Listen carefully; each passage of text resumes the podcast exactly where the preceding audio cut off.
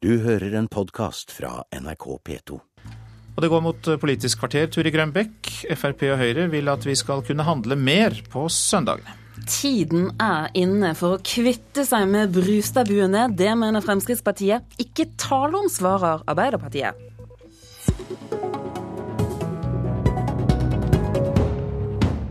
God morgen, velkommen til Politisk kvarter. Alle matvarebutikker bør ha mulighet til å holde åpent på hviledagen, uansett hvor store de er. Det mener Fremskrittspartiet.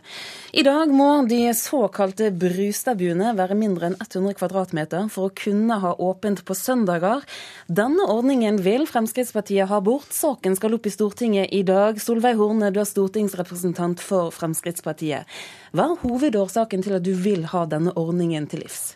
Nei, Nå det, viser det seg at det er en lov som har utgått på dato. og Hvis dere ser rundt omkring i Norges land, så begynner butikkene nå å bygge en butikk i butikk for å tilby eh, søndagsåpne butikker til, til folk som trenger det. Eh, og Da blir det på en måte en eh, forskjellsbehandling med at vi søndagene har små butikker på under 100 kvadrat, mens de andre dagene har vi store butikker. Og Da det en, viser det seg helt klart at det er en lov som har utgått på dato.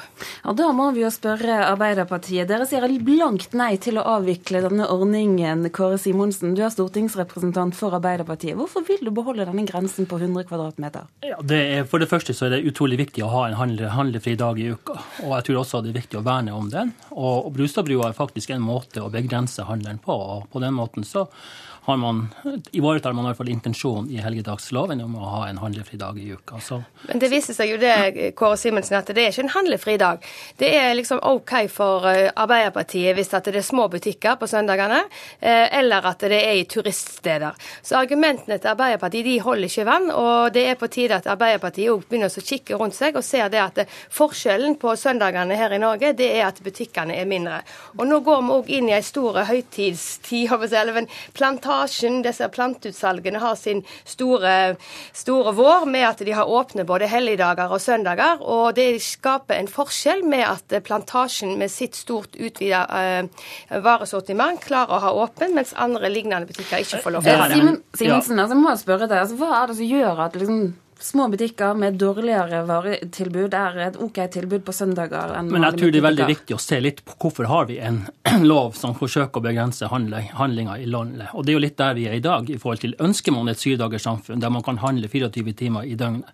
Eller ønsker man et samfunn der man også kan bruke tida til noe annet, og man skal slippe unna et kjøpspress. Men nå er jo butikkene åpne ja, på søndager, bortsett fra at de bare er litt mindre? Det, ja, nettopp. Men det er også en måte å begrense handelen på, og også å, å, å slippe at alle butikkene skal være åpne, og ikke minst å ivareta de ansatte i handelsbransjen. Det er også et poeng i denne saken at de må, må kunne ha en, minst én handlefri dag og en minst én dag i uka, der de også kan utnytte og bruke samfunnet som vi andre gjør. Men nå er jo, vi ser det, altså 324 matbutikker i Norge holder nå søndagsåpent. Er det da handlefri dag? Det er, det er i hvert fall gjennom en Brustadbrua er det en måte å begrense handelen på. Du har da de spredt utover hele landet, men hvis man skal også ha kjøpsentrene over, som, som, Frp og Høyre har, så har du faktisk ingen dager i uka der du kan ha en fridag. Og Det tror jeg også er litt viktig å tenke på. Hvilken samfunnsutvikling skal vi ha?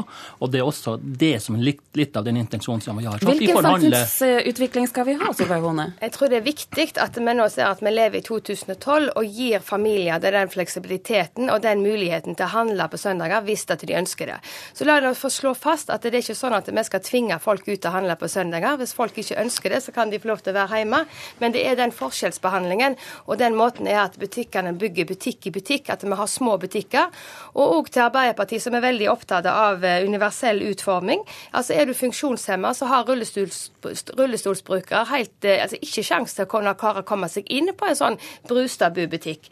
Og jeg tror det er viktig nå at vi ser på det at vi kan kunne klare å ha de butikkene som ønsker å ha åpent, skal få lov til å ha åpent. Og arbeidsmiljøloven skal ivaretas, det sier Fremskrittspartiet òg i sitt eh, felt. Og det er mange studenter òg som ønsker å ha dette som en, en tilleggsjobb eh, i forhold til studiet. Ja, men nå er det litt i forhold til arbeidsmiljøloven. Den gjelder faktisk ikke for de ansatte innenfor handelsbransjen. Og litt der det er også litt viktig å ta at den dagen man i uka har fri, er en fridag for de som er ansatt i handelsstanden.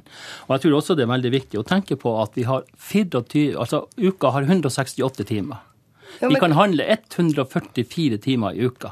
Vi har et så godt handelstilbud som det overhodet er mulig. Faktisk et av de mest liberale i hele Europa. Ja, men Kåre Simonsen, du må jo være bildet... enig i at det er en forskjellsbehandling sånn som det er i dag, og at det er en utvikling med at vi ser at det er små butikker som popper fram bare pga. at de skal unngå den loven som Arbeiderpartiet har. Altså, Arbeiderpartiet ja, må nå innse at det er handling på søndager, og folk ønsker å ha muligheten til å kunne ja, gjøre sine handler på en søndag. Ja, men jeg tror også det er en måte å begrense handelen på. Vi vil ikke ha et samfunn der man har 24 timers stand syv dager i uka. Jeg tror også det er litt viktig å ha det perspektivet inn i denne debatten. Ja, men Da bør dere si det, og heller avvikle hele Brustadbua da, og, og, ikke ha åpne søndagsbutikker i det hele tatt. Men det åpner jo for at det er greit hvis at du bor på, hyt, på hytta di.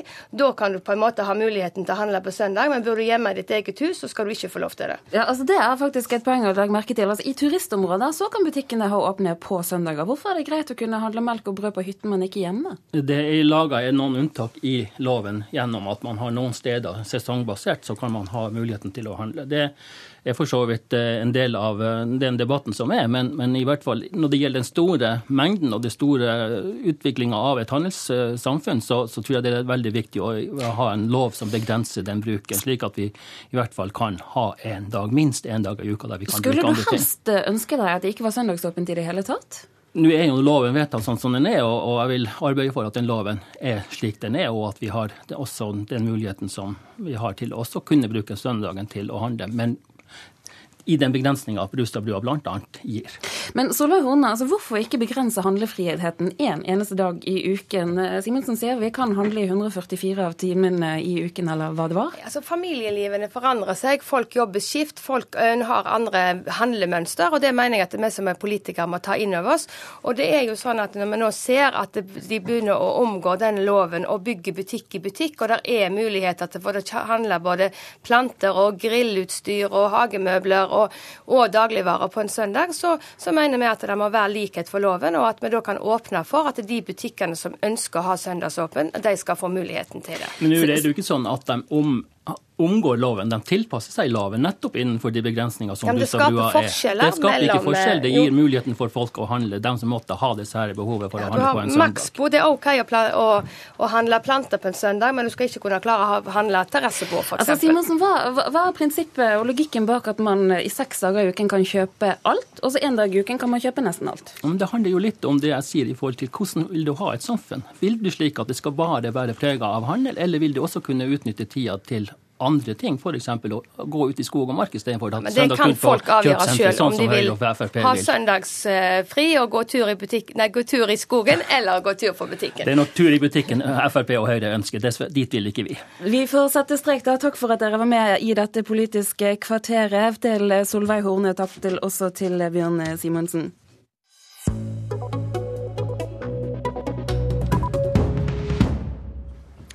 Vi skal eh, for så vidt holde oss til noe som skjer på Stortinget også de neste minuttene. For dette er en merkedag. I dag faller nemlig gjennomsnittsalderen på Løvebakken kraftig. Ungdommens storting er samlet. For aller første gang. Målet er et eget ungdomsparlament til neste år. Nå er ungdom fra hele landet samlet for å debattere det som da er viktige saker for unge. Så vi har bedt to av dem hit. Silje Melås og Carl Petter Rygg, velkommen til Politisk kvarter. Tusen takk. Hva er det som er viktige saker for ungdom? Det er det som engasjerer ungdommen. da. Eh, vi har mye fokus nå i oppstartsfasen om eh, representativitet. Det å få alle, alle stemmer fram, det føler jeg er veldig, veldig viktig. Når du først skal lage et sånt stort nasjonalt organ, så er det veldig viktig at vi får alle med. Så det som vi kommer til å jobbe veldig mye med nå fremover. Melås, hvordan får man alle med? Nei, altså Det er jo det vi jobber med hele tida. Eh, det er et kontinuerlig spørsmål. Men eh, vi liker å tro at engasjert ungdom kan engasjere andre, og at det er litt dominoeffekt. Eh, og det er jo en av våre største oppgaver, å få med alle. Dominoeffekt. Altså, jeg tenker hva, hva er gode saker ofte? Altså, F.eks. deg selv. Hva fikk deg til å engasjere deg? Um, Personlig så var det vel eh, ønsket om å kunne være med å påvirke samfunnet. Lokalsamfunnet. Og etter det så har jeg fått eh, en plass i både kommune og fylke, og sitter nå og representerer på høyeste nivå i dag. Hvordan synes dere at ungdommens perspektiv blir ivaretatt?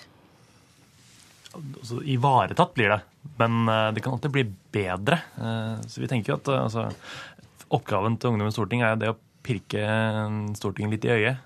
Sånn at ja, saker som vi mener er viktige, de skal komme fram. Hva slags eksempler på saker? Det kan være alt fra det skal være pålagt å ha et fylkesorgan, elevmedvirkning og ungdomsmedvirkning på fylkesnivå, 16 år i stemmerett og lignende. Det kan jo være alt mulig himmelig. Alt som engasjerer ungdom. Og så er dere opptatt av struktur. Ungdommen må ha et sted å gå med de mm. sakene. Hvordan er det dere ser for dere det? Det må jo være på lokalt nivå. Det må, det må jo starte et sted. Og for de fleste så starter det jo i elevråd. Eh, mange kommuner har kanskje et ungdomsråd på kommunalt nivå, eh, og hvor der videre veien går til fylket. Så er det også eh, andre elevorganisasjoner som ivaretar på andre måter. Så det er veldig stor forskjell på bakgrunnen vi har, da. Så tanken er det at på Stortinget sitter jo alle fylkene. Eh, så da blir det jo den veien fra lokal til fylke. Og så eh, tenker vi at vi skal ha dialog med alle de andre eh, eller elevorganisasjonene, sånn at vi kan ja, få med alle. Det er det som er det viktige her, tror jeg. Og nå er dere, dere, dere kom i går, eller første samling på Stortinget, det var i går. Hvordan var det å snakke i stortingssalen? Det var dritgøy. Og rett og slett bare kjempegøy. Fortell, for dere har vært på talerstolen begge to. Ja, eh, hvert fylke fikk fem minutter til å holde en appell. Eh, man kunne velge litt hvordan man ville legge det opp. Jeg representerer Buskerud, og vi tok opp mobbing for å få opp eh, engasjementet og kunne engasjere flere. Det er viktig at eh, alle får lov å være med, og at alle føler at eh, de kan være med. Og så fortalte vi også litt om hvordan strukturen er i Buskerud. Og dette er litt nybrottsarbeid. Hva håper dere at altså den innsatsen dere gjør i dag, skal brukes til? Oi um, Jeg har et mål, da. Eller et håp, egentlig. Uh, om at man klarer å, å se alle. Uh, jeg tror det er det som er liksom sånn Det som man liksom i undergrunn jobber med, og det er det som er undertonen hele veien at man skal få med alle og det store beredskapet. Det er liksom det som er tanken bak demokrati. da, Å få med hele gjengen. holdt jeg på å si. Og det styrker jo helt klart demokratiet at man har et sterkt ungdomsdemokrati. For da legger man eh, føringer tidligere for eh, gode resultater senere. Vi har også med stortingspresident Dag Terje Andersen eh, målet og mer ungdomsdemokrati. Hva skal du bruke dette til konkret? Nei, det er det som er samla nå, ungdomsparlamentet og ungdomsstortinget som er samla nå, de har egentlig en todelt oppgave. Det ene er å være med oss og hjelpe oss til å forme hvordan ungdommenes storting skal fungere framover. Det er jo eh, det er første gang vi kan si det er litt sånn konstituerende forsamling, da, sånn som, sånn som det var på Eidsvoll. De skal finne ut hvordan eh, vi skal legge opp den strukturen framover. Og så kommer de i tillegg til å diskutere det som blir det viktigste på framtidig ungdommens storting, å diskutere politiske saker. Eh, så kommer vi i bakkant på bakgrunn av de innspillene som kommer nå, til å diskutere i presidentskapet hvordan vi skal sørge for at de politiske sakene òg havner et sted. At det ikke bare blir eh, sagt noe den dagen de er i Oslo, men at de får anledning f.eks. til å møte stortingskomiteer eller statsråder for å snakke om de sakene sine. Men det skal vi diskutere i etterkant, for her skal ungdommen være med å påvirke sjøl. Påvirke selv? og da tenker jeg, hva, Hvordan skal du sikre deg for at det ikke er det de kommer med? Bare havner i en skuff. Nei, Det er nettopp det som er poenget. Men det er derfor de nå er med og diskuterer opplegget for framtidig Ungdommens storting. Eh, så skal vi i bakkant, og når de har sagt sitt, så skal vi eh, finne løsninger på det. For det er jeg jo opptatt av. Og det er klart at det, det, det er veldig mye god læring i det. For jo færre saker de klarer å konsentrere seg om, jo større er jo muligheten for å bli hørt. ikke sant? Det er en læring i. Eh, og vi ser jo det her som en del av det å diskutere demokratiet vårt, prøve å styrke engasjementet framover mot uh, grunnlovsjubileet i 2014, uh, og håper at Ungdommens storting også skal fungere etterpå. Så Da er det to ting som er viktige. Det ene er læring i demokrati, oppmerksomhet om demokrati, og det andre er faktisk innflytelse. og Begge deler skal vi da bidra til, etter at de har konkludert nå, til å prøve å legge til rette for. Dette høres fint ut, du bruker veldig store ord, men hvorfor er det viktig å liksom lage en egen arena for ungdommen? Ja, vi har jo for så vidt flere arenaer for ungdommen. Nå er de sjøl nærnevnt nevnt, de lokale. altså Skoledemokrati har vi jo i Norge eh, i stor grad. Og så er det mange kommunestyrer som har ungdommens kommunestyre. En del fylkesting har det samme på, på fylkesnivå. Og vi nå syns, vil vi ha et ungdomsparlament. Nettopp. Vi syns det har vært riktig å ha det opp på nasjonalt nivå. og Blant annet så har vi hatt god kontakt med Barneombudet her. Eh, for det kan være en måte å få fram mer sånn hva er den eller de to kanskje tre viktigste sakene for ungdom i år. Og i den grad de klarer Det skal jo være prosesser før de drar hit inn, for det var noe av det jeg sa til de i går. at du husker på at det, det er ikke sånn at du kommer hit for å være sjef, det er sånn at du kommer hit for å representere noen.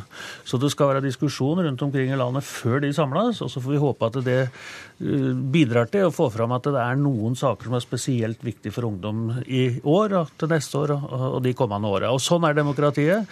En skal både jobbe for å få sine saker på, på dagsorden, og så skal en jobbe for å få dem igjennom. Og det er god demokratilæring, og det kan gi god innflytelse. Silje Melås, til slutt ser du nå for deg at du får reell innflytelse? Jeg håper at ungdommen får reell innflytelse. Mm. Jeg representerer Buskerud, og jeg representerer ungdom. Det er derfor jeg er her. Takk for at dere kom til Politisk kvarter, Silje Melås, Karl Petter Rygg og Dag Terje Andersen. Du har hørt en podkast fra NRK P2.